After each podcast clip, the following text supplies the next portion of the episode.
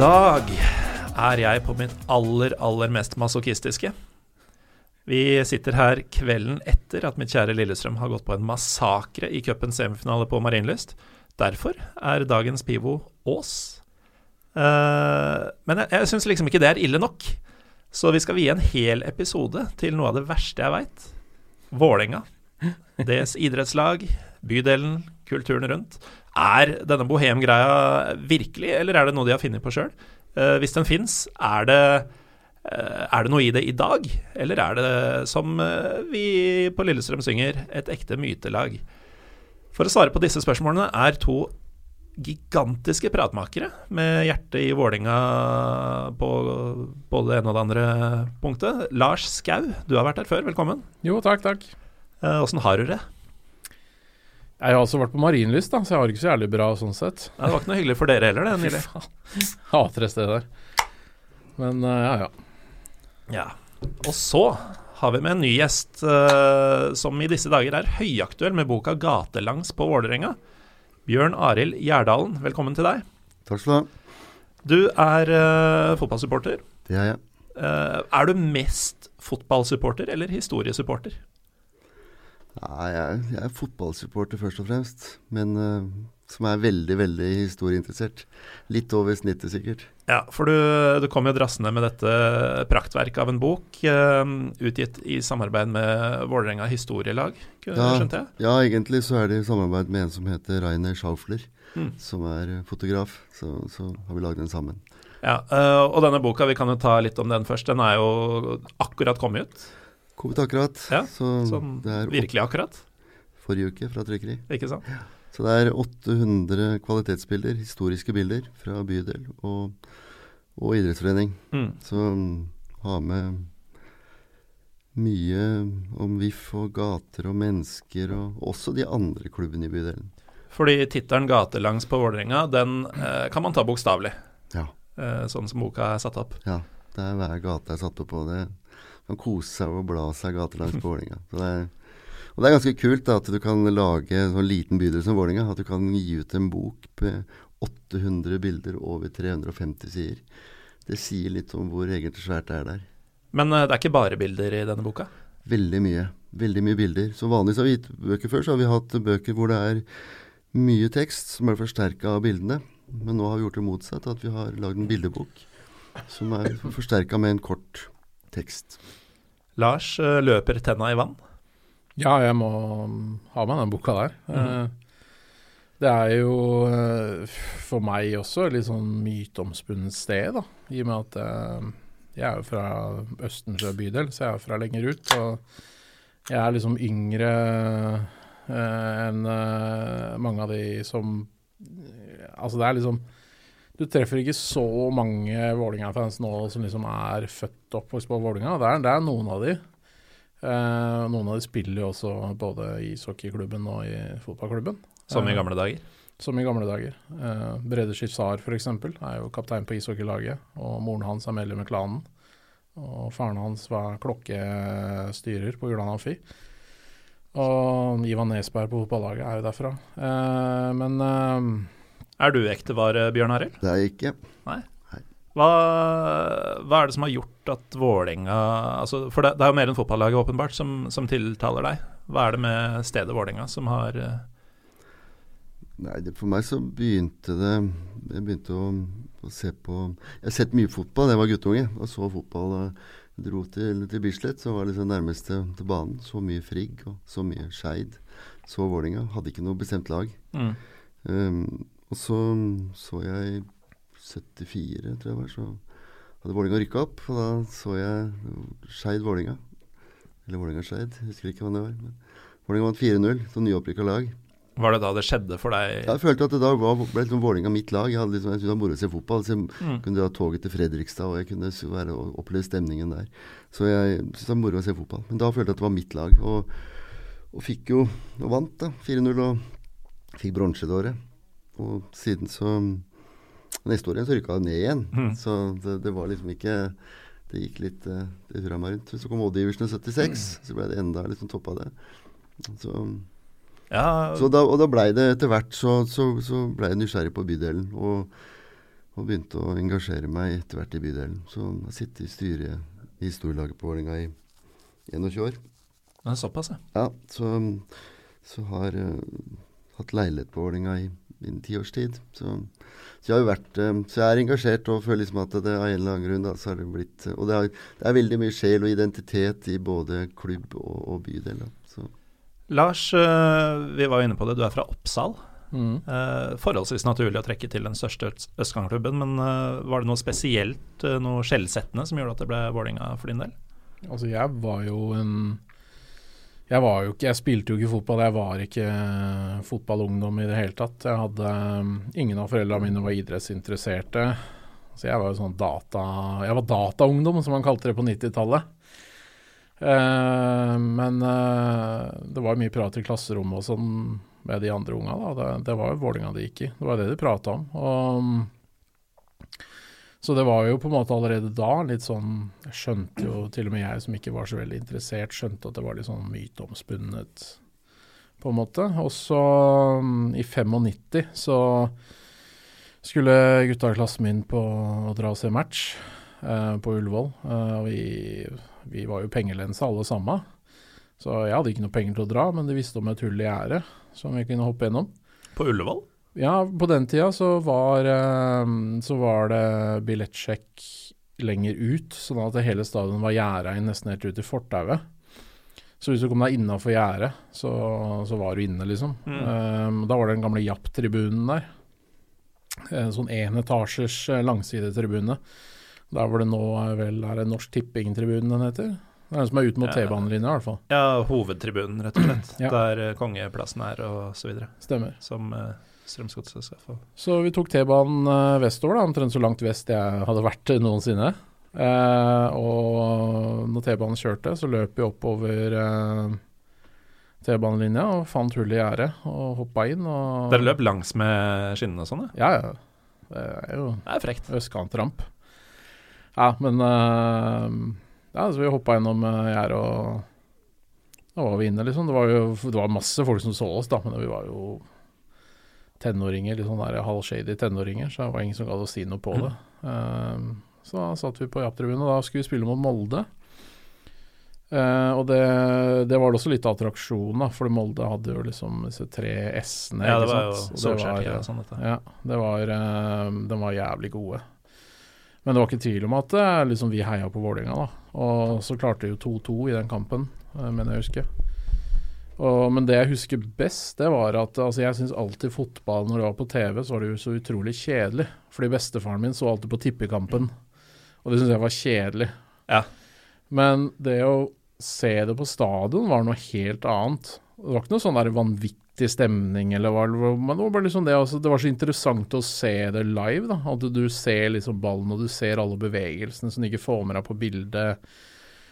Det, var, liksom, det, er, det er en helt annen opplevelse, rett og slett. Og det, det trigga meg litt, da. Og ikke minst den 40-årige familiefaren som sitter et par plasser bortafor, som skriker og smeller til dommere og medspillere og motspillere og trenere og alt. Ja, det var litt um, følelser ute gikk, da, så det var litt mm. festlig. Nei, jeg hadde jo litt uh, Jeg er oppvokst med en far som så på trav. Uh, og det har ikke endra seg. Jeg syns det er det døveste i hele verden. Men det er sånn Altså, det er så shady. Ja. det er bjerkemiljøet, liksom. ja, det er, det er skitne greier. Men, uh, men jeg, jeg, skjønner godt at du, at du, så den grønne skjermen og bare forbandt det med litt sånn stillesittende farfar og Ja, og så var det bare engelske lag, ikke sant, så det var kjedelig. Farfar var Arsenal-fan. Men vi må, vi må, pensle inn på det vi egentlig skal snakke om her. Og uh, vi kan jo ta det litt kronologisk, da. Uh, for vi skal jo ha klubben Vålinga oppi dette. Men uh, hvis vi spoler 105 er det vel år tilbake i tid nå. hvordan var området Vålinga, og hva slags folk sto bak klubben da den så dagens lys i 1913?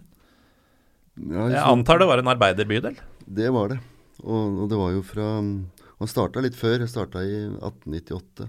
Så hadde vi en prest, en pastor for, for speiderne, som hadde vært i England og opplevd fotball. Og, og tok med gutta på, ut og lagde et blått lag og et rødt lag og skulle spille.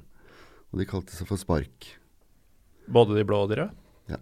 Det var det å spille mot hverandre. Og sikkert noen lokale lag rundt. Men det var, det var veldig enkelt å begynne med. Mm. Så, så i 1903 så blei det da offisielt at det blei da fotballpartiet Spark. Og, og de fortsatte utover fram mot eh, Fotballpartiet. Fotballpartiet, ja, sånn gammeldags navn.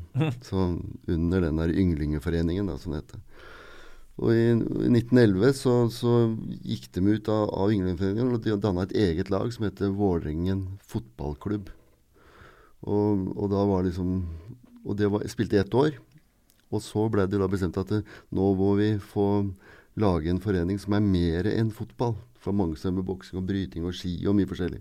Mm.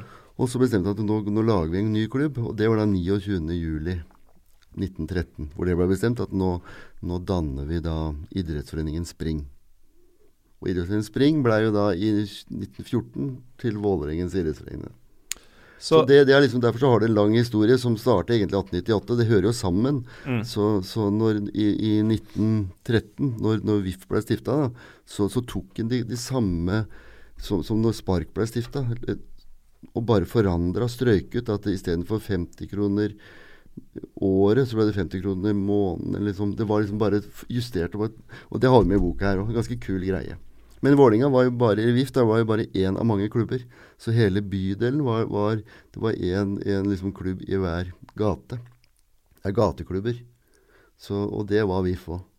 Det var en gateklubb. Og så hadde jo ikke noe sted å stå, så det var jo Sotahjørnet. Det var et sted å stå, det hadde ikke noe klubbhus. Så det sto da på Sotahjørnet der, sto og jugde og prata og etter kamper og Ja, nå er vi inne på noe vesentlig her, fordi uh, veldig mange av uh, og dette inkluderer meg også, veldig mange av de som hører på, er jo ikke uh, Vålerenga-fans. Og heller ikke spesielt godt kjent i Oslo. Og man hører jo denne referansen til Sotahjørnet i diverse medier innimellom, og lurer jo egentlig litt på hva det er. mm. Det var en kafé som lå der. Opprinnelig eid av Skaus bryggeri. Så Strømsveien som gikk nedover, der var det jo fullt av, av vannhull hele veien. Strømsveien er da denne hovedveien som, går, nedover bussen går. ja, som tar av fra motorveien og går ned til gamlebyen. Så der var det mange, mange, mange steder og vertshus nedover hele. Et av stedene var Sotakafeen. Og den lå da på et hjørne. Den lå på hjørnet, eller, og det inntil til Ettersjøgata. Og utafor hjørnet, der sto gutta fra, fra Vålinga og prata. Et samlingspunkt. Og, og så var det andre klubber, sånn som Jordal idrettsforening. De holdt til i Vålerengata, midt på i og de hadde et annet hjørne. så det var Og de, og de, og de menga seg ikke. Og, og Jo, det var nesten litt sånn gjengaktivitet. Ja, det høres jo sånn ut. ja, det var det. Og, og noe som heter Vålinga, var det trøbbel og sånn innimellom. Det var det. Og Vålerenga arbeideridrettslag de, de holdt i Totengata, som ble kalt for Knivstikkergata. Det var en sånn en rå gate som du helst ikke gikk inn i etter at det var mørkt. Og der holdt Wild til, altså Vålerenga arbeideridrettslag. Så Og Det er interessant fordi eh, Vålinga blir ofte assosiert med liksom arbeiderklassekultur, og derfor også arbeiderbevegelsen. Men Vålinga var ikke en arbeideridrettsforening. nei, det var, sånn som på begynnelsen av 20-tallet så var det mange klubber. Og så både Vail og Jordal idrettsforening blei jo da med i, i Arbeidernes idrettsforening da. Men Mm. VIF fikk også et spørsmål. Men de takka da nei på den tida, fordi de ønska ikke å blande politikk og idrett. De ønska å stå fritt. Mm. Og det som var kult med det, var jo at um, det, Og det har de gjort hele tiden. Og det syns jeg da, personlig er kult. da, At de liksom har det som en, som en klart opplegg. Mm. Og når krigen kom, så skjedde jo det samme. da, At, uh, at nazistene ville at alt nå skulle kjøres inn og, og styres gjennom eget opplegg med nazifotball. Og da la hun og Vålinga ned. Hun sa at vi, har, vi spiller ikke på, vi har lagt ned. Vi har lagt ned klubben vår. Uh, Du spilte jo hemmelige kamper. og spilte da illegale kamper eh, under krigen. Og jeg har det med i boka òg, at det var Wehrmacht-kamper på Jordal, nazifotball, som, som ingen gikk og så på. Vålinga, som ikke hadde noe lag, de spilte illegal kamp da f.eks. mot Skeid på Grefsen stadion. Sporveiene satte opp ekstratrikker. 10 000 folk drar og ser på. Så, så det er så, og, det, og det er kult. Og da får du det positive at du ikke blander politikk og idrett. Altså det, det er liksom en, av mange grunner til å, til å sette pris på en klubb som, som Vålerenga. Og de andre klubbene, de, de, som, de som holdt til, de Jeg har en som heter Boffen, som er Øyvind Pedersen, som jeg prata mye med. Han er død for mange år siden. Men han var på Jordal. Boffen? Boffen, ja. Og han, eh, han, han eh, var så glad i Jordal, så jeg spilte på Jordal i 34 år eller noe. Han var liksom Jordal for alle penga, ikke på Vålerenga skole. Han var fra Vålerengata. Og, og folk sa jo til han at ja, du elsker liksom vel Vålerenga, du du som er fra Vålerenga. Og sa at ja, jeg er fra Vålerenga, men jeg hater VIF som pesten. Jordal er mitt lag. Så du hadde det der greiene. Så det var internt i bydelen så var, var det mye. Og det, det har vi også med, for det er, det er liksom en kul greie, syns jeg, da. At eh, med disse, disse laga. Kanskje nevne for de som uh, ikke er kjent. Altså Jordal er jo på andre sida av Strømsveien, egentlig. Um, der er det, det er sikkert hørt om Jordal Amfi. Det er jo uh, ishockeystadion som ligger der. Og så ligger en idretts... Uh, en gressbane og noe greier der. Uh, og det er egentlig et gammelt steinbrudd, er det ikke det? Eller Gammelt tegleverk. Telleverk, ja. Det er, det er noe Oslo-losen over det som foregår her nå. Ja, er veldig, Fortsett, veldig, fortsett veldig, veldig Oslo-losen. Vålinga-losen, kan du kalle det. Det var ikke noe gammel gruve, det var gammelt Ja, teglverk. nei, det, var, det var jo ikke noe gruve der, det var tegleverk. Ja. Nei, så det, det, det var det. Så, og det var mye av det var rundt omkring, da, der det var tegleverk. Altså Dæling var tegleverk, og Bislett var tegleverk. Så ble gjort om da til å bli til idrettsanlegg etter hvert. Men eh, det er jo som du sa tidligere, Bjørn Arild, det, er- det er jo en ganske liten bydel. Ja. Ehm, fryktelig mange klubber, tydeligvis, Mm. på et tidspunkt i, i tida. Og uh, dette med disse hjørnene, Mm. og det denne boffen uh, tydeligvis uh, sto for eh, må ha vært mye clinch, sånn generelt. Altså ikke bare gjengslåssing, men det er jo det er jo nesten som om det var hver gate mot hverandre. Ja, det var sånn. Gata jeg bodde i, Islandsgata, der var det Falken som var klubben. På 20-30-tallet. Så- Og det var litt sånn, jeg hørte, hørte han Boffen snakke om det en gang, at på, på Vålerenga skole så hørte han at VIF vi fikk mye fordeler av vaktmesteren å spille fotball og drive med ting. Så de, de dro på en sånn tjuvraid og fikk tak i en del eh, ting de smelta om og ga han en gave. Og så at han skulle da få, For å få han liksom mer positiv til, til de Jordal-gutta. Så Men nå er vi over på en annen ting eh, som, eh, som i hvert fall jeg forbinder med Vålerenga-historien. Dette kommer vi sikkert tilbake til, vi skal snakke mer om denne bohemkulturen og sånn. Men jeg har inntrykk av at det har vært fryktelig mye rare kallenavn i, i klubben. Uh, nå var jo Boffen tydeligvis ikke en VIF-fyr, men uh, eh, hva er det med Vålinga og, og, og, er gammeldagse kallenavn? Ja, det kommer fort av de der Altså- Boffen, Boffen var vel at eh, hadde sett- var en kamp, ishockeykamp som jeg har sett, som på Dælinga. Så lignet han på en russer som hadde spilt, og som heter Bossikov eller noe sånt. Og så Ja. huska de ikke det, og så ble det bare For han spilte likt som han, så var det Boffen. Jeg har en Men- kompis som, eh, som holder med Vålerenga, eh, og han er rørlegger. Mm. Eh, og en gang for mange mange år siden så kom vi i prat om at fotballspillere i gamle dager, da. Mm. Og da hadde jo han tydeligvis hørt eh, mye fra eldre karer i Vålerenga-miljøet. Mm. Eh, og da var det liksom tippen og hengeren og Sleiperen, ja. Ikke sant. Sånne ting. Ja. Og så um, var han da i en prosess i livet sitt hvor han var ute etter å finne seg et kallenavn. Mm. Uh, og så tror jeg han må ha tenkt på Einar Bruno Larsen eh, og blanda litt, så plutselig rant det ut av munnen hans 'Bruneren'. ja. Og det, altså Det var som om to lyspærer gikk opp over huet, huet våre, fordi han var jo rørlegger. ja. Det er det perfekte kallenavnet på han. Og han går fortsatt under Bruneren nå, sånn 15 år etterpå. Han, han eh, keeperen til Vålerenga i mange år, han bonden. Helge Sørli, han er jo kalt bonden. Og han, han, eh, han kom jo til Vålerenga som niåring fra oppe på Soltrakten, eller oppe fra Hedmarken. Og flytta inn i Vålerengata. Og etter første dagen han begynte å prate, så, så blei det jo bonden. Og han er jo nå en voksen mann, og er jo fortsatt bonden. Ja. Så Men er, er dette noe spesielt? For, for jeg veit jo at uh, gamle dagers fotball, eller gamle dagers samfunn i det hele tatt i Norge, det var mye kallenavn. ja. Uh, men jeg føler at det er ekstremt når man snakker om gamle Vålerenga-greier. Lars? Ja, altså mm, jeg, jeg vet ikke helt, men jeg lurer på om det kan ha noe med rett og slett med en sånn der gammel arbeiderøstkantkultur å gjøre. Eh, jeg veit jo at eh, hvis du går enda lenger tilbake, så var det jo ikke vanlig med etternavn. Etternavn var jo noe som ofte ble påtvunget folk av staten, fordi Mm. man skulle kunne spore arv, eiendommer, man skulle kunne verve folk til militæret og skattlegge folk så ble man påtvunget Det er derfor det er så mange i Storbritannia som heter ting som Carpenter og sånt. Nå, Mm. Fordi at man fikk det etternavnet som man hadde som yrke, da. Ja. Eller Townsend, ikke sant. For det er han som bodde i enden av byen. Mm. Bokstavelig talt. Taylor.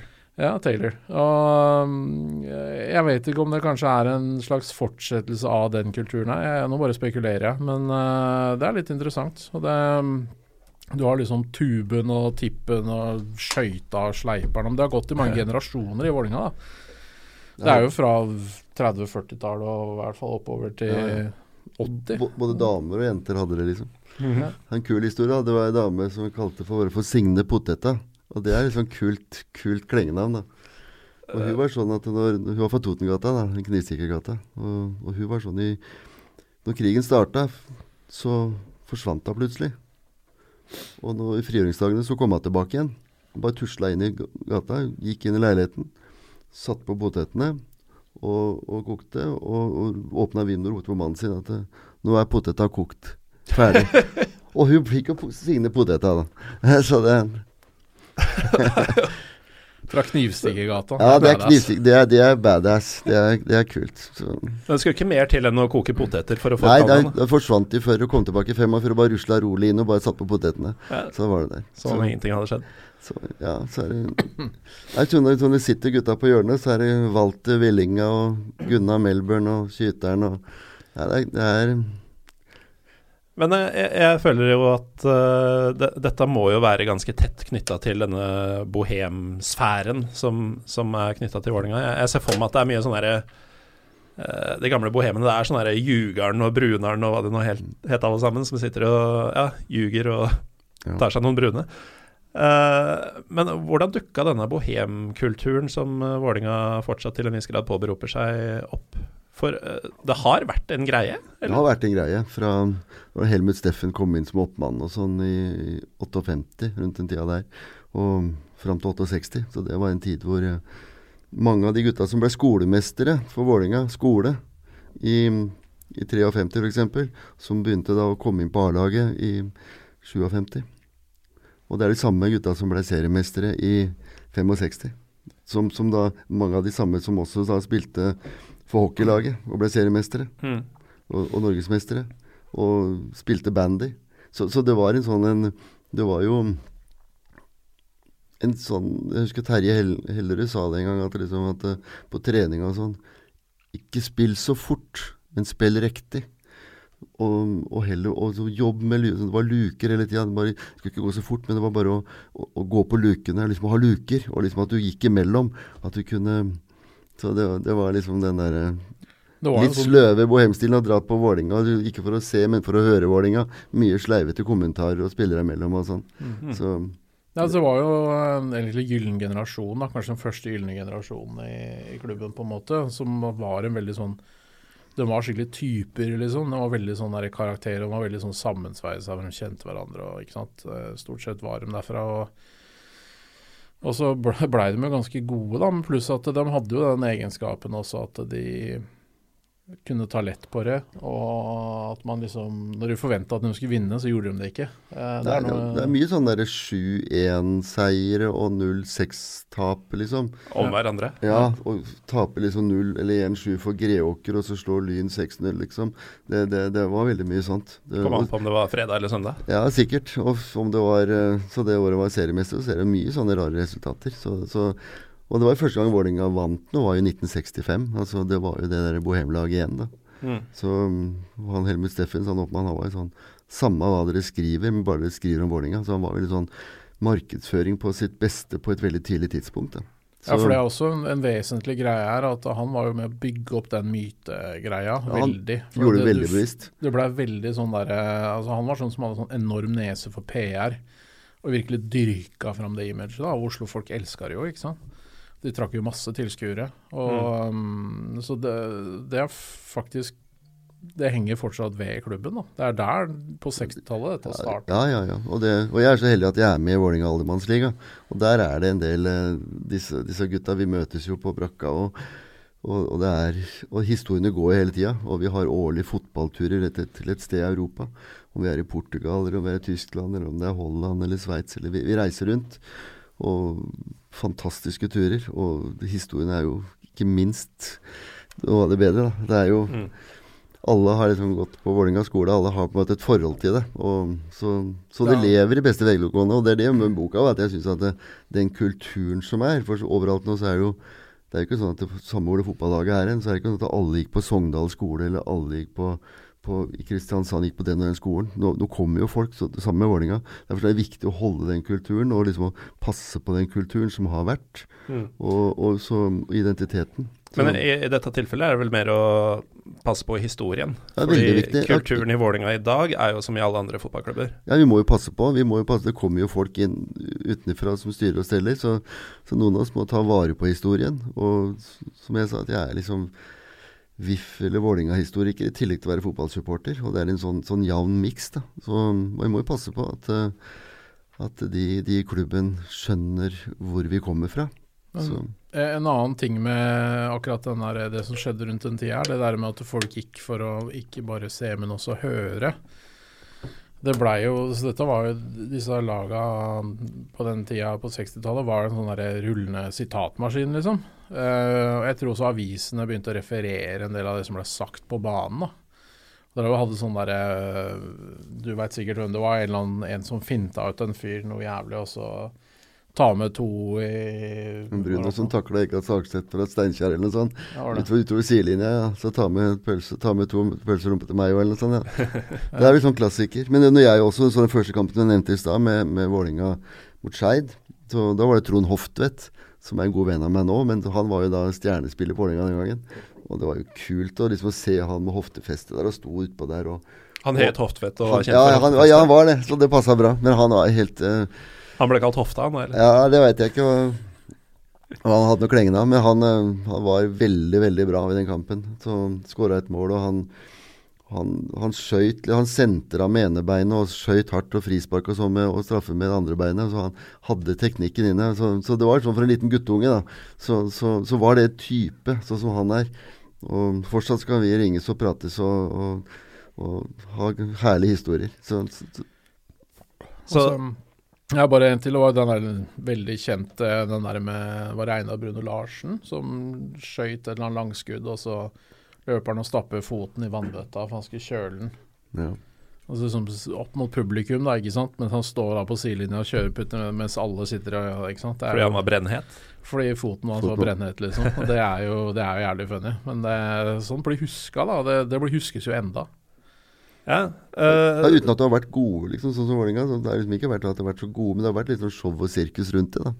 Og det, det starta, jo, starta jo der. Men på 70-tallet som jeg sa, da, så var det jo ikke sånn veldig fram til 80-tallet. Så, så var det jo sånn Skal du være virre, være Vålerenga-gutt? Og det var jo sånn Heia Vålerenga på tribunen. Og det var jo veldig sånn avstappa tribune. Men så var det Kjell Grønningen og Anders Krystad da, som kom tilbake, vært på England-turer og sett på sitt kjære Arsenal og Chelsea mhm. som da hadde lært meg og mye ønska å få til dette her i Norge. Så du merka at da, da begynte det å skje veldig mye sånn positivt på tribunesida Men eh, også. eh, Så det ble tribunesida ble nesten viktigere. Det skal jeg si frem til da, at det, Da ble det viktigere. Det var det på banen kunne være ganske dårlig, men da er det, det som skjedde på tribunen, ble mer og mer Komme og høre på klanen, kanskje, istedenfor å høre på gutta på banen. Mm. Eh, når vi er inne på det, siden du først drar den linken. Navnet Klanen, har det noe sammenheng med eh, noe, Har det noe historisk uh, tilknytning til området, eller er det bare et navn? Ikke, ikke noe, det var Kjell Grønningen som, som fant på hadde, hadde sett noe på noe svensk fotball, og, og plutselig hørte navnet Klanen inn i en, en setning. Og, og, og sendte det blir Det er navnet. Og, så, så det er kult navn. Det er litt sånn det, Det er jo annerledes, og det, det blei jo veldig sånn der eh, fordi noen assosierte til Ku Klux Klan, og det var veldig sånn skummelt, da. Eh, men før det så var det jo Apeberget, eh, ikke sant. Det blei jo kalt for Apeberget. Ja, eh, kalte seg sjøl, eller ble kalt for? Ble kalt for. Eh, Akkurat som Bøffelberget. Det jeg har hørt er historien her, er at det, det var jo egentlig Sparta Sarpsborg ishockey sine fans som kalte seg Apeberget. Mm. Og så var det en eller annen match der nede hvor det var noe tribunetrøbbel og sånn, og så var det en journalist fra VG eller et eller annet sånt som, som omtalte Vålinga-fansen som Apeberget fordi han uh, overhørte og misforsto eller et eller annet sånt noe, og så festa det seg. mm. Og det var jo sånn fra den tida når de kom tilbake fra Englandsmessa, som jeg sa, rundt Ja. sånn 82, da, hvor det, det starta. Og da var det, var det ganske, ganske trøkk rundt det med Appeberg og hele tribunekulturen. Da, da kom det trøkk. Og, det- og fram til klanen ble stifta i 91, da, hvor det blei klanen. Særlig på ishockeykamper på 80-tallet så var det jo ordentlig heavy. Ishockey var svært i Norge på 80-tallet. Det Mm. var mye dårlige, små, intime ishaller som var stappfulle av mennesker. Eh, og da kom jo Vålerenga med jævlig mye folk, og du hadde liksom alle disse gutta her som var De var ikke akkurat ryddige da, på den tida. De var liksom unge, eh, veldig inspirert av det som foregikk i England og de greiene. Sang, hadde jo engelsk sang òg, faktisk. Sang jo 'Come On You Boys In Blue', liksom. Sånne ting var forholdsvis utbredt i Norge for bare sånn 25 år siden. Ja, det var det. Brann het jo Red Army og hadde masse sanger på engelsk. Ja, det husker jeg. De, de var jo kanskje de mest anglofile av alle. Ja. De sang masse på engelsk. Og det, mm, og det, var mange historier, eller mye ting som skjedde på ishockeyarenaene rundt om i Norge som ikke var særlig bra. Da. Det gjør jo at uh, Vålinga Altså, det, det er mange fotballfans som hater Vålinga, men hockeyfans Fredrikstad, så Stjernen, Storhamar, eh, Sparta det det er mange steder hvor det er folk som har et horn i sida til Vålinga Mm. enda, pga. det som skjedde der eh, på 80-tallet og 90-tallet. Men det er, det er jo en sammenheng mellom eh, mye, da. Så den, eh, denne bohem-greia på 60-tallet som sikkert varte en stund utover det også. Ja, det varte jo fram til sånn 58-68 omtrent. Ja, ikke sant. Og så en stund etterpå så tok jo supporterne over og på en måte videreførte denne litt sånn Ja, fra 82 igjen, liksom. bøllete væremåten. Mm. Uh, og, og i en lang tid var ganske notoriske og berykta for uh, ablegøyene sine, altså til langt ut på 90-tallet. Mm. Um, og selvfølgelig har jo denne tidslinja da ført til at uh, andre uh, fra hele landet i forskjellige idretter har hatt et uh, møte med Vålinga, enten om det er på banen eller på tribunen, som, som på et eller annet vis har vært kjip for dem. da Om de har blitt ydmyka, eller om det har vært Ja, så blir det jo sånn at ryktet kommer her litt, litt i forkant, så du, de lokale folka forbereder seg, da, ikke sant. Det hjelper jo ikke heller. For, sånn at folk veit at når Vålerenga kommer, så planlegger de eh, liksom, da skal, de, da skal det bli trøbbel. Og så pga. sånn som pressen fungerer, med at du har liksom Apeberg og det berykta Vålerenga, den derre Oslo øst, farlige Oslo øst-greia, da, ikke sant, med sånne folk som reiser rundt i mindre steder i Norge og herjer fra sånne folk fra storbyen og sånn. Da får du Det er så veldig mange sånne narrativer som sammenfaller ganske bra for en tabloid journalist, da. Ehm, så vi fikk jo skylda for omtrent som skjedde. Mye av det hadde vi sikkert skylda for òg, men ikke alt. Eh, bare ett eksempel. Det var jo ehm, en overnatting, jeg veit ikke hvilket år dette var, men det var eh, tidlig tidlig 90- eller slutten av 80-tallet. Hvor det var en overnatting på en campingplass. Hvor man kom i, i trøbbel med noen eh, sigøynere som kom med kniv og greier. Og da endte det med at en Vålerenga-fyr ble påkjørt av en bil innpå der, og det var helt fullstendig kaos. Og det, det blei jo slått skikkelig svært opp, ikke sant. Og da kom det jo masse sånne eh, rasismefaktorer og sånt nå inn i bildet. Og det, det hang jo ved oss også veldig lenge. Um, der har du et skille, 96-97. Der forandra det seg. Når jeg ble Vålerenga-fan i 95, jeg begynte å gå på kamper, da, 5-96, så var det sånn at mutter'n turte nesten ikke fortelle til venninnene sine at jeg gikk på Vålerenga-kamper. Altså, det var virkelig, virkelig uglesett, altså. Og du ble antatt å være høyreekstrem eller kriminell.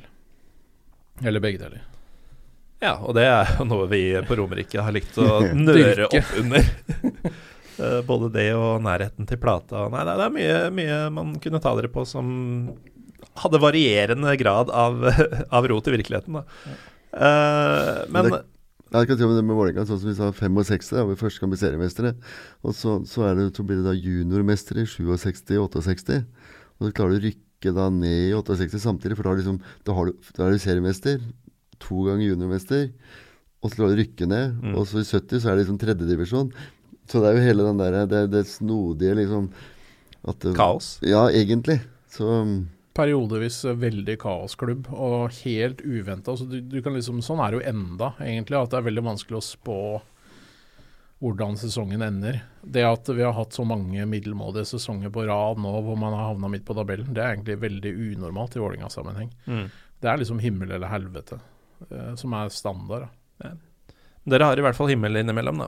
Noen av oss er uh, Men så har vi noen sånne dømt til evig pine. Vi har jo noen sånne sjuendeplassskjerf òg, da. Vi har ikke bare noen gullskjerf. Mm. Sjuendeplasskjerfa våre, det er klassiske, dem òg. Jeg har vært med på to nedrykk òg. Ja, du har vært med på enda flere. Uh, det har ikke du opplevd. Jeg får det snart. Et par uker, så. Uh, men eh, tilbake til stedet. Altså, dette er en eh, godt bevart hemmelighet, men eh, da jeg skulle flytte for en del år tilbake, så havna jeg nesten på Galgeberg. Eh, og jeg hadde vært på en visning der og bestemt meg sånn etterpå for å Jeg hadde litt tid til bussen skulle gå, eller noe sånt. Men jeg bare gikk en liten runde da for å se hva som var. Og det er jo et særpreg i området, må jeg innrømme. Og eh, ja, jeg, tror faktisk, uh, selv om det å gå i gult og svart ut og inn av døra der annenhver uke hadde kanskje ikke vært det beste, men jeg kunne kanskje trivdes der. Men uh, hva er det som stikker seg ut eh, på dagens Vålinga? Altså, dette, det er jo dette vertshuset som, eh, som vel er en slags institusjon. Ja. Det er jo en sånn småby i treby i storbyen, så det er liksom et eget, eh, eget plass for seg sjøl, på en måte. Mm. Mm. Så det er jo flere gode spisesteder. Du har jo flotte spisesteder som som den Galgen, f.eks., som er en bra sted. Jeg ser for meg at dette er et område som du faktisk kan dra og finne litt husmannskost. Mm. Eh, for det gjør man jo ikke gamle Eno, er det som er Galgen, det gamle Eno var jo sånn fra 1930-tallet. Det var Flesk og duppe og sånt. Ja, ikke sant? Det er ikke ølservering, var det ikke der før, på gamle Eno, men det, det er en sånn plass. Mm. Så, så har du Smia, som er en sånn, litt sånn fin plass, som får sånne stjerner i Aftenposten og VG og sånn, som ønsker ut og spise. Så det er jo litt for enhver smak. Og Lenger bort har du Kampen Bistro, som er en av byens beste spisesteder. Seriøst? Ja. Men uh, det Vålinga kanskje er kjent for sånn ellers, er jo, det er jo den lave trehusbebyggelsen som har blitt verna. Mye av det er jo revet, for altså, my, mye av østkanten så jo sånn ut før. Det er det du Det er verna, men det er blitt revet? Jo, men, men før det ble verna, da. Fordi dette her var jo slitne arbeiderklassesteder, ikke sant. Uten dass og vann og Det var liksom bare sånne lave trehus. Det var veldig lett selvfølgelig når uh, ting skulle bli litt mer moderne og man hadde lyst til å bygge litt mer moderne blokker. Og etter krigen ikke sant, kom Obo som begynte å kline opp, uh, for det var jo enorm boligmangel. Bygde man jo, var jo Lambertseter var vel noe av det første, var det ikke det? Og så oppover Groruddalen og Manglerud osv. Og, så og da er det selvfølgelig veldig lett å rive, for det, det var liksom ikke ansett som Det var jo ikke fint. Det var liksom uh, møkk i gatene og fattige folk og eh, Ikke sant? Men så noe av det har blitt bevart, da. Nå er det jo verna. Og nå er jo veldig så i boka det er jo gater opp og ned i mente som er med flotte hus og er malt og fint. Og nå er det dyrt. og den øv, øverste delen av Vålerenga liksom, det var jo der hvor det var håndverkere, vognmenn, folk som var, drev egne bedrifter. Krukkemakerier og alt mulig. Så, så der var det jo verksted i bakgården. Og, så så det, det, og det, det, det er jo fortsatt. Det var der krukka og vogna og dem jobba når de ikke var på Ja, akkurat det. Ja, men det var jo, det, var, det hadde jo saneringsspøkelse over seg i Vålerenga fra 1929 omtrent, og helt fram til 60-tallet. Det var snakk om at alt skal rives. Og, og det er klart at uh, Det var snakk om å bygge veien. var bygge der med vei ned. Det var jo veien som var greia. Og, og i mange, fra 1900-tallet og helt fram til 68 så var det jo trikk på Vålerenga. Eh, på på 60-tallet, så 68 så forsvant jo den, for da var det bilen som skulle være. Mm. Og nå har den pendelen snudd. Nå er det motsatt. Nå er liksom bilen på vei ut i byen. Men um, Du tenker jo i dag, da. ikke sant? Altså hvis, du kan, hvis du kan bo i et lavt trehus midt i byen midt i byen, du kan trille på sykkelen din ned til Oslo sentrum på ti minutter, kanskje fem. Det er jo superattraktivt, ikke sant. Så nå er det jo veldig veldig fint der, og det er et kjempebra sted å vokse opp. Men også derfor det er flytta inn veldig mye nye folk, da. Og det er jo Men det er vel Det er ganske fint at eh, Jeg tror mange av de som har flytta inn dit nå eh, fra andre steder seinere, de har jo også en interesse for, for hvordan det er der. For det, det, du blir påminnet om det hele tida når du ser det. Det er veldig veldig fint. altså Hvis de som hører på liksom vil google Vålerengata, så, så ser de jo disse små trehusene. Det er veldig veldig spesielt at det er midt i byen.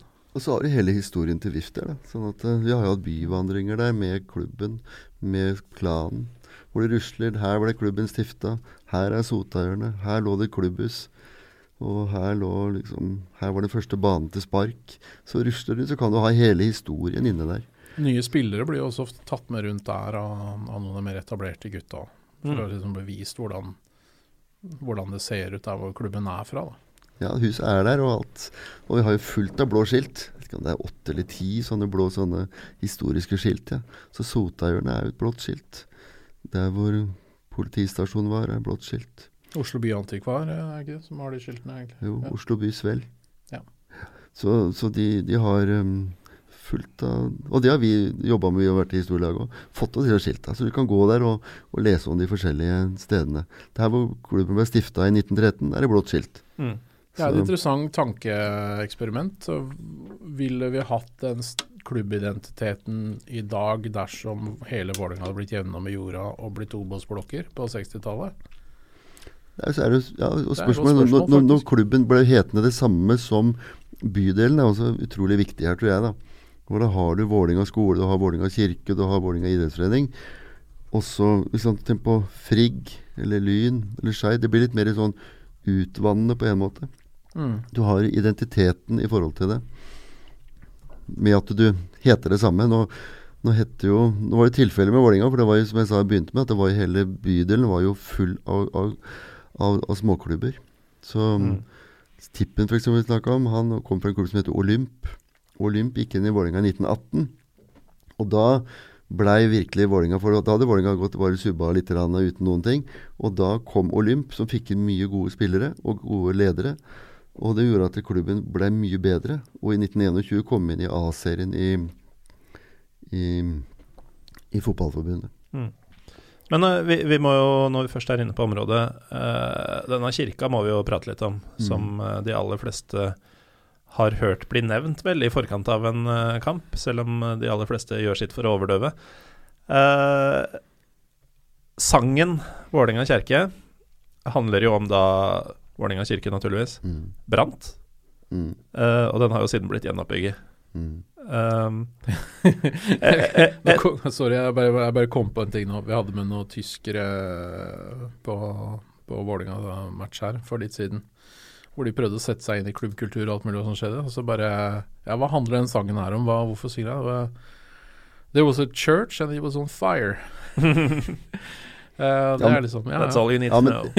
Ja, men det er jo liksom Han som lagde den, da, Trond Ingebrigtsen. Faren hans ble kalt for Kremen. Selvfølgelig ble det. Ja, klart. Og han jobba sikkert på bakeri eller noe sånt, men, men han um, Ja, vi får håpe det. Ja, jeg regner med det. han, ehm, han skrev da sangen også mye om til faren sin, på en måte. da.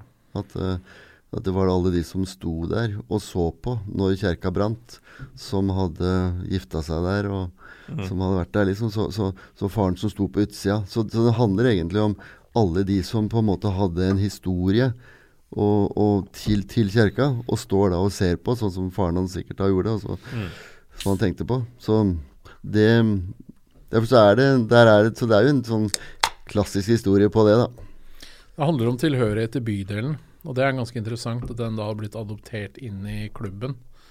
Det er også litt eh, spesielt. Og hvis du ser på andre klubbsanger, i hvert fall i Norge, da, så er det alltid en eller annen sånn der eh, lokal trubadur som lager en sånn svulstig ballade som på en måte ikke har noe relevans annet enn sånn derre Vi løper fort og sparker ballen hardt, eh, hei hå, liksom. Det Ja, det er liksom ikke, egentlig ikke noe sånn fotballsang, på en måte. Det er jo lagd som en hyllest til faren hans, som var en fotballspiller og skiløper i Vålinga.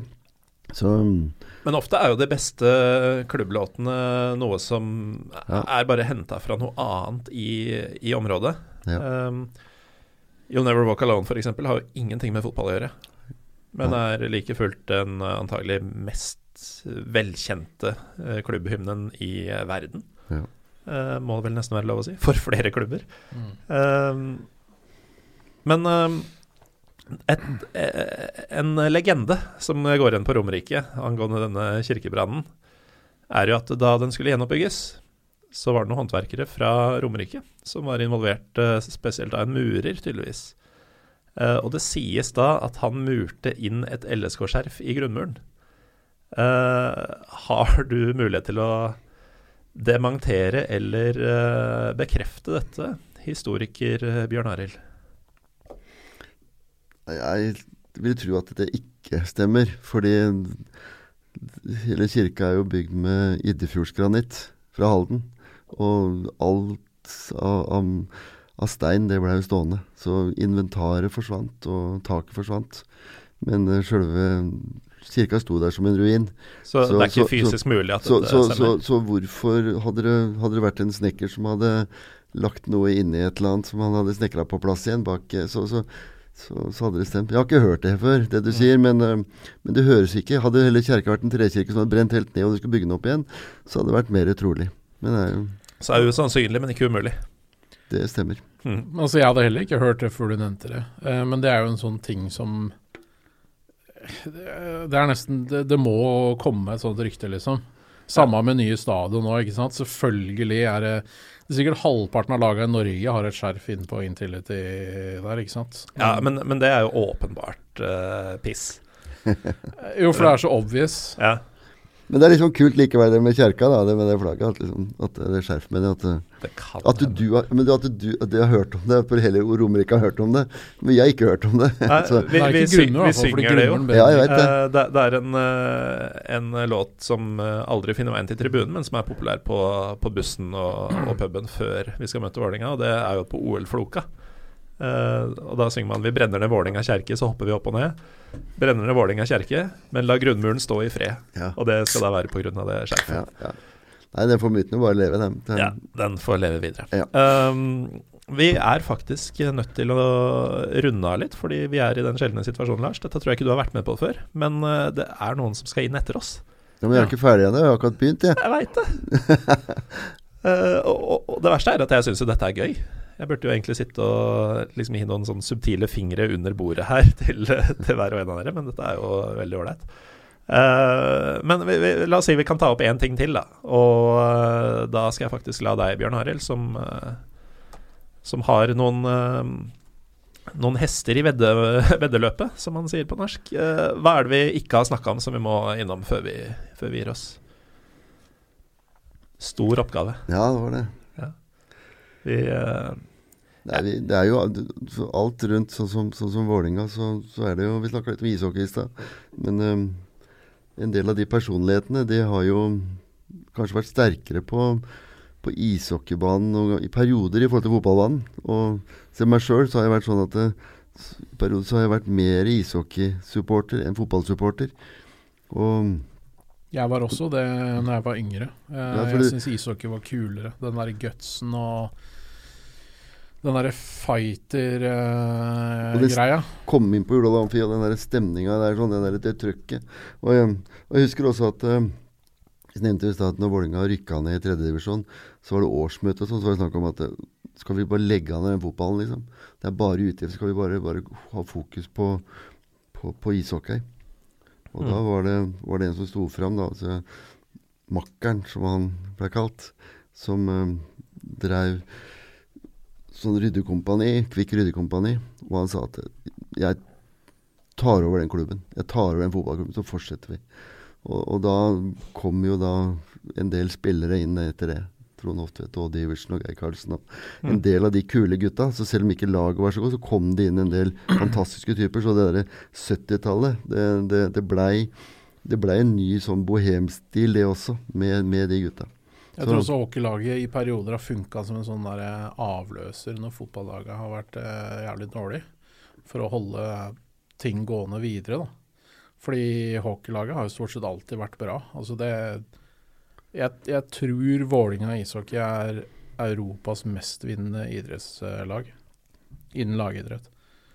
Altså ikke bare i hockey, men eh, På alt. Mm. Det er ikke De er i hvert fall høyt oppe, men Vålerenga er norgesmester i norgesmesterskap. Det er garantert. På grunn av hockeyen, da. Mm. Ja, det har mange Godt til surre her, men er det ikke 26 NM-titler? Og 27 serier med det, et eller annet sånt noe. De, de, har, eh, de har over 50 vinne, titler. en vinnerkultur som er helt unik i norsk idrettshistorie. Det er helt, mm. helt, rått. Så det blir moro igjen da når sånn som Jordan Amfi som kommer. og Det er jo fantastisk med Vålerenga nå at du har Intility som er veldig nært bydelen. Og du har Jordal Amfi som kommer opp veldig nært bydelen. Så det, det blir jo, eller i bydelen.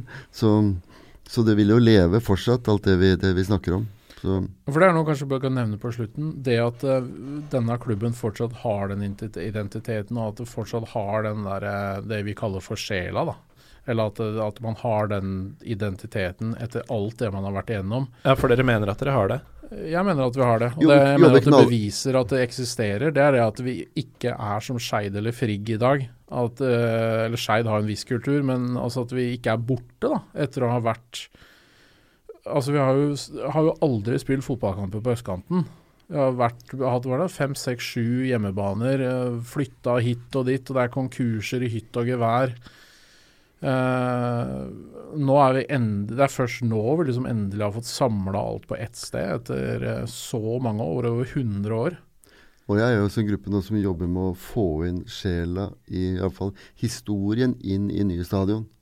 Så vi skal jobbe med å få inn bilder, få inn, gjort ting på en kul måte. Så at i alle trappeoppganger, på kontor og overalt, så skal vi ha historien inne. På en, på en spennende måte. Så det er et prosjekt som, som jeg driver med nå, og, og sammen med flere andre. Så det, det gjør at, vi, at klubben kommer til å At vi tar vare på sjela vår og klubb, historien vår. Ja, det, det er interessant, fordi jeg, jeg har selvfølgelig bare vært på dette stadionet én gang. Eh, en dag vi ikke skal snakke om. Eh, tidligere i år. Og eh, jeg syns jo det var veldig uh, Veldig grått og um, anonymt utenfra. Mm. Så det er jo utrolig mye du kan gjøre med det. Utrolig. Men det er jo helt nytt. Det, så det, det, Ja, men derfor er det kult at at det blir satt i gang, og at, Mm. vi, at vi blant alle de folka som, som i den gruppa som er, at Jarle Terge og jeg, som er VIF-historikere, for vi kaller oss, lokalhistorikere på det, så vi, vi, at vi har blitt bedt inn i gruppa. For vi har jo samla, både Jarle og jeg, vi har jo samla VIF-historie i 30 år. Samla drakter, pro protokoller og, og bilder. Så vi, vi har, det er jo helt unik samling som, som, som vi har. Så, den, skal vi ta vare på videre. Det er en, eh, et bra sted å gi seg for denne gang, selv om vi egentlig ikke er ferdig med agendaen jeg hadde sendt ut. Uh, takk, eh, Lars Skau, for at du kom. Mm. Mm. Mm. Uh, og takk, Bjørn Arild Gjerdalen, for at uh, du kom. Sjøl takk. Uh, Bjørn Arild er da som sagt aktuell med Gatelangs på Vålerenga i disse dager. Hvis du er interessert i by- eller fotballhistorie eller begge deler, så kan jo den plukkes opp uh, både her og der. Hvor får man tak i den enklest? Vi Tanum på Karl Johan, blant annet. Kan du få kjøpt den. Der får du sjappa på På stadion. sjappa på stadion, på Intility, får du kjøpt den. Mm. Så, Løp og kjøp, Morten. Så Karl Johan, da, for, eh, for de fleste. ja, altså. for, for de, er no, mange er Tanum på Karl Johan. Eh, den jevne lytter er sikkert klar over at dette ikke er noen Vålerenga-podkast, eh, så derfor så er jo dette en episodetype som vi ønsker å gjøre mer av med andre klubber også. Eh, derfor, hvis du kjenner noen, eller kjenner til noen, eller er en, som kan veldig mye om, om din klubbs historie og unike sider, så ta gjerne kontakt i sosiale medier. F.eks. Ved å kontakte Pyro Pivopod på Twitter og Instagram. Jeg heter Morten Gallosen. Takk for nå.